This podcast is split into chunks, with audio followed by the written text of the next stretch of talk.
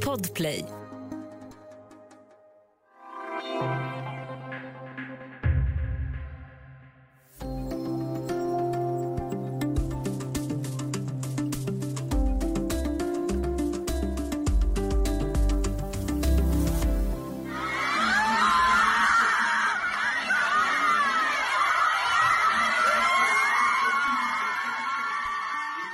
En video syns en grupp tonårstjejer jaga bort en företrädare för den iranska regimen från sin skola.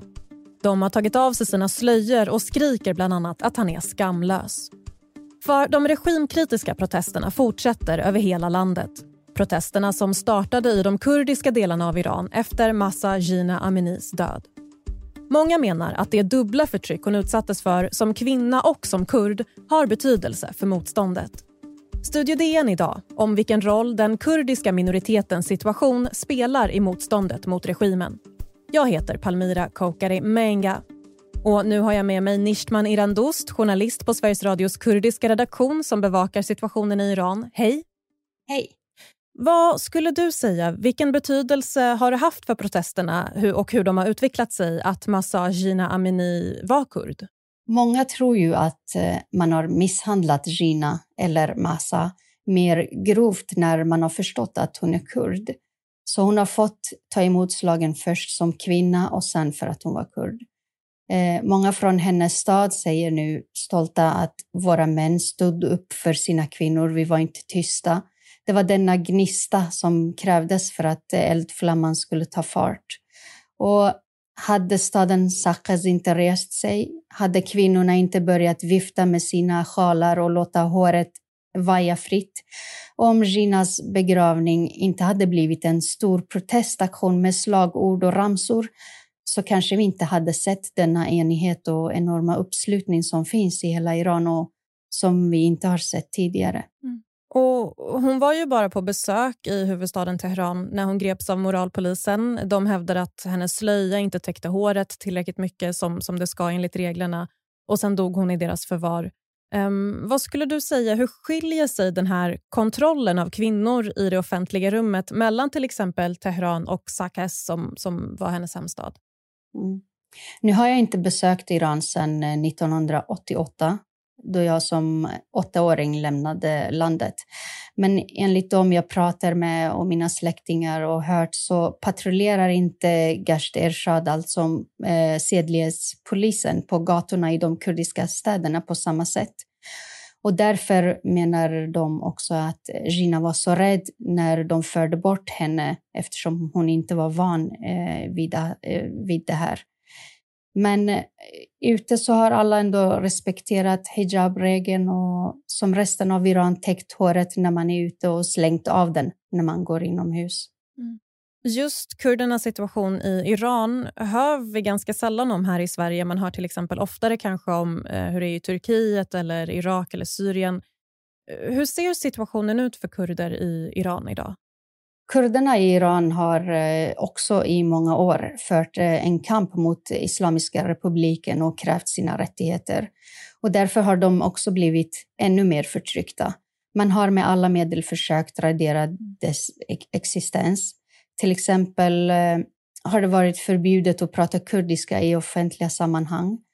Man har bytt ut städers, människors namn och efternamn till persiska. Det är förbjudet att läsa och skriva på kurdiska.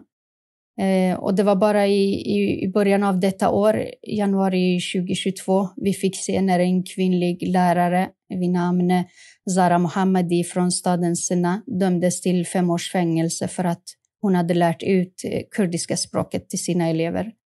Och man har fört en, en politik där eh, det har nedvärderats att vara kurd eller att prata kurdiska. Eh, Rina, eller Massas namn är också ett av bevisen på det förtryck kurder har utsatts för. Till exempel kan man inte ha kurdiska namn. Ofta har folk ett annat namn i passet för sina barn, men väljer att döpa dem till kurdiska namn i alla fall. Och som i Ginas fall, ingen kände henne vid namnet Massa. Hennes familj och vänner kallade henne för Gina.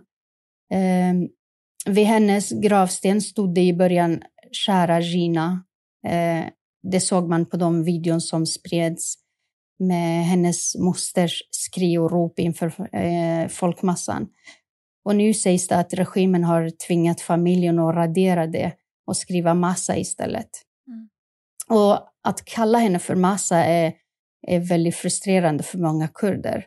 För vissa är det kanske bara ett namn, men när ens namn är bevis på ett mångårigt förtryck på ett helt folkslag så skaver det hos många. Och jag har sett på en del demonstrationer till exempel där man har skrivit på banderoller hennes riktiga namn Gina, kolonialismens namn för henne Massa.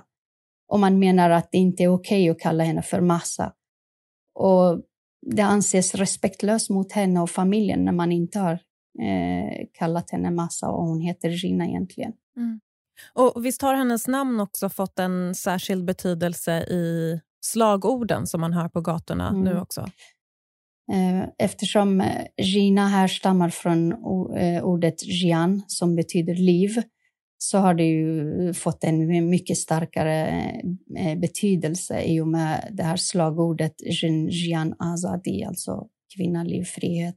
Mm. Det här med att de här slagorden som ju är på kurdiska, vad har det för mm. betydelse att, det nu, att man nu hör dem över över hela Iran och även i huvudstaden Teheran till exempel? Alltså dessa tre ord som nu ekat i många hörn och i mångas öron har ropats vid många kurdiska demonstrationer tidigare. Så det var varken okänd eller kontroversiell eh, för mig och andra kurder. Men den har ju fått en helt annan innebörd i och med Ginas död. Att höra det på Teherans gator eller höra det komma från, en, eh, från icke-kurdiska personer och sen översättas till andra språk, det var nog lite overkligt att eh, ta in. Det är en paroll som visar hur kurderna ser på kvinnor, menar många, och känner stolthet över att eh, detta kraftfulla slagord nu har blivit en symbol för kvinnors frihetskamp i Iran den här enigheten, mellan solidaritet mellan kurder och icke-kurder till exempel och, och som, som många pratar om nu, att man hör många säga att man inte har sett det här tidigare i, i Iran. Hur skulle du beskriva den situationen? Ja, det är nog eh, det som är nämnaren för dessa protester. Är det något man hör så är det ordet enighet. Man står upp för varandra som aldrig förr. Eh, det var en jag pratade med som sa det här sticker i ögonen på regimen nu. De har i 40 år med sin politik velat splittra oss, men nu visade vi att vi är eniga. Sen har jag hört också slagord som skulle kanske vara otänkbara att höra för bara någon månad sedan. Eh, vilka då till exempel? Till exempel att man skrek Kurdistan, Kurdistan, چشم و چراغ i Iran, alltså Kurdistan, Irans ögon och ljusglimt. Eller Ettehad, Ettehad, as Kurdistan ta Teheran, alltså enighet, enighet från Kurdistan ända till Teheran. Att bara nämna Kurdistan var som en eh, erkännande eh, för många kurder. Och lite hårresande också. Så det här med hijab och slöjtvånget och kvinnofrågan har med tiden blivit lite mer politiskt och man eh, kräver alla former av rättigheter och man vill helt enkelt störta regimen med denna enighet nu eller aldrig. Mm. På vilka andra sätt skulle du säga att de här protesterna skiljer sig från regimkritiska protester som man, som man ju har sett tidigare i, i Iran men, men nu så så är det annorlunda, är det många som menar. Det är väl eh, framför allt omfattningen. Eh, enigheten som utmärker denna gångs protester som gjort att tusentals människor från över hundra städer sägs det som anslutit sig. Och det sägs också att även troende iranier eh, stöttar protesterna nu. Vi har sett protester tidigare, men då har det varit studenter eller av ekonomiska skäl. Och nu verkar det som att man har förlorat rädslan för regimen och sluter upp i slagord som Natarsid, Natarsid, Ma, Natarsid, Natarsid, Ma hame hastim. Alltså, var inte rädda, var inte rädda, vi alla tillsammans. Det sägs också att den här generationen är orädda. Det finns internet och de ser sina jämnåriga i andra länder och, och vill leva som dem. Och många säger den här gången gör vi revolution. Vi vill inte ha förändring och reformer längre. Och man har börjat kalla protesterna för revolution istället för till exempel bland kurderna kallar man det Ginas revolution. Man vill helt enkelt fälla diktatorn och mullorna från eh, makten. Vi ska ta en kort paus och sen prata vidare om kurdernas roll i de historiska protesterna i Iran.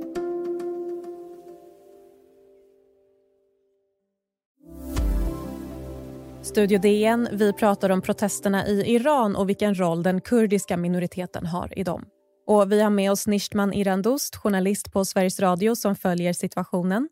Och vi ska lyssna på ett klipp från en av de tidiga protesterna i huvudstaden Teheran som visar på människors solidaritet med kurderna. Kurdistan, Kurdistan, Kurdistan,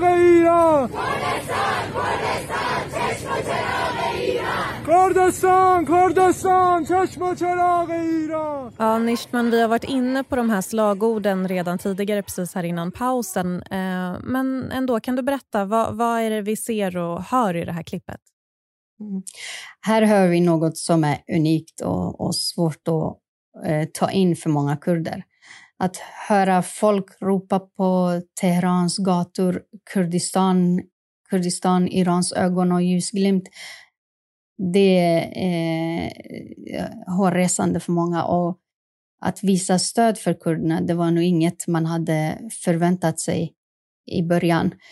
Och de här slagorden rörde nog många till tårar. Mm. Hur reagerade du första gången du hörde och såg det här? Jag var tvungen att kolla om flera gånger för att se om de var eh, eh, på riktiga, om de var från Teheran, om det inte var från kurdiska städer. Så det var också eh, lite så för mig att jag ifrågasatte det först. Mm.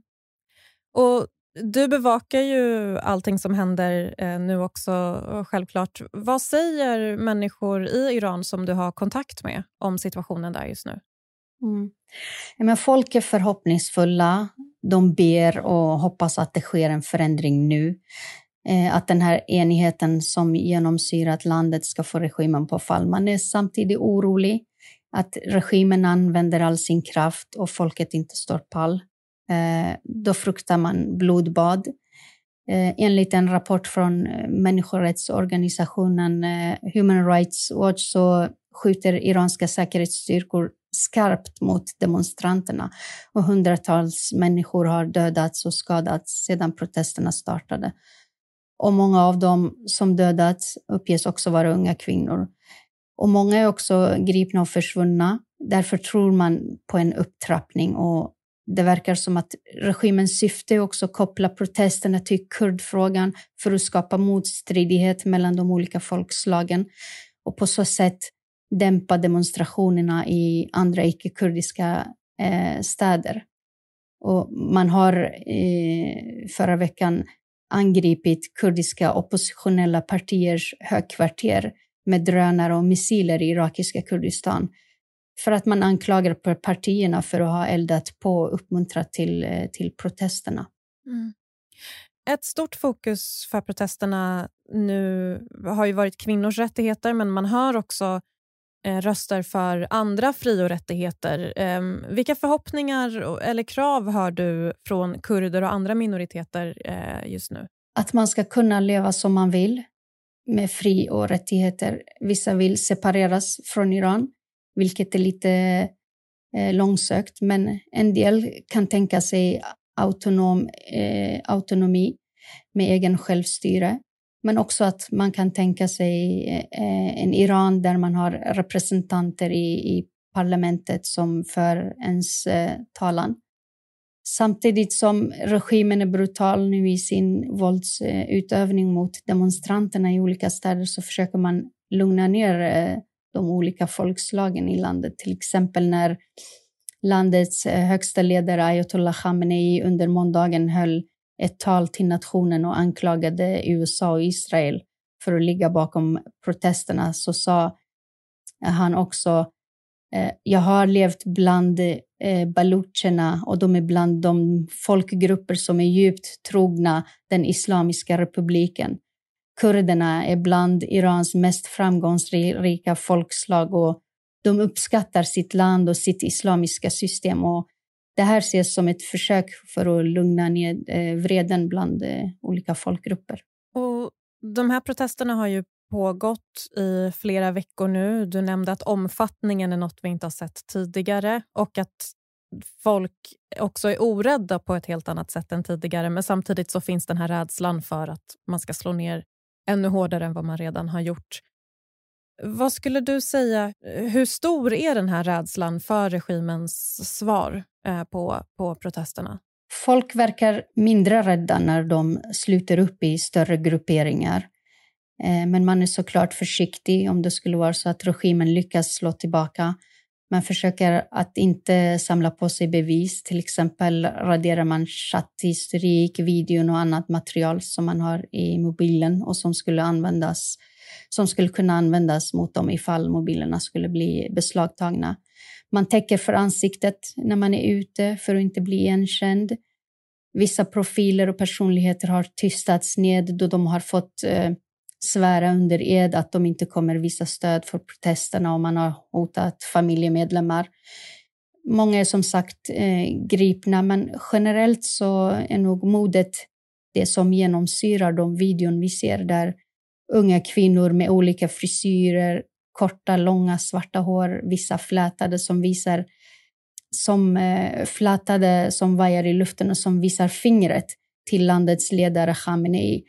Eller när eh, unga tjejer sluter upp i, i stora samlingar mot regimvänliga med slagord som det här vi hörde i början, bisharaf, bisharaf, alltså hederslös och jagar iväg dem. Och det, det är många sådana videon eh, jag har sett.